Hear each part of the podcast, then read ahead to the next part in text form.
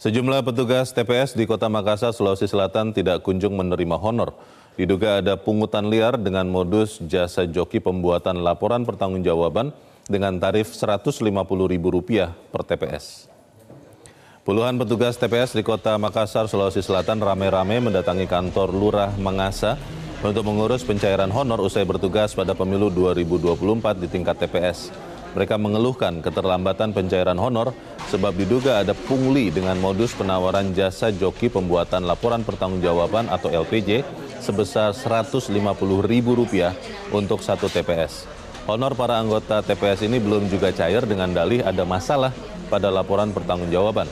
Petugas TPS yang LPJ-nya dinilai kurang lengkap diharuskan merevisi hingga berkali-kali Para petugas akan dipermudah LPJ-nya jika membayar jasa joki LPJ yang ditawarkan oknum PPK.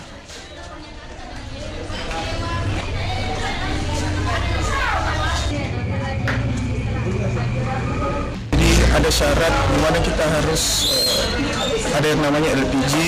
LPG itu laporan pertanggungjawaban anggaran. Jadi ketika honor ini dicairkan, kita harus menyetor ulang dulu LPG. Di mana itu di dalam semua uh, laporan ada kwitansi, dokumentasi, terus dengan beserta uh, tanda terima dari uh, sewa-sewa tenda itu seperti tenda, makanan, cemilan dan tabung. Itu sudah berapa kali revisi dari LPJ sudah revisi? Untuk TPS sendiri sudah ada dua kali.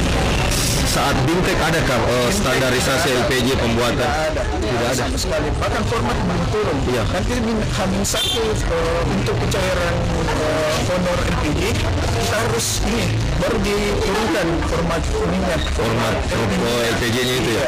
Makanya kami putarkan tiap sampai sekarang kami ketika uh, tadi baru tadi habis Jelajahi cara baru mendapatkan informasi. Download Metro TV Extend sekarang.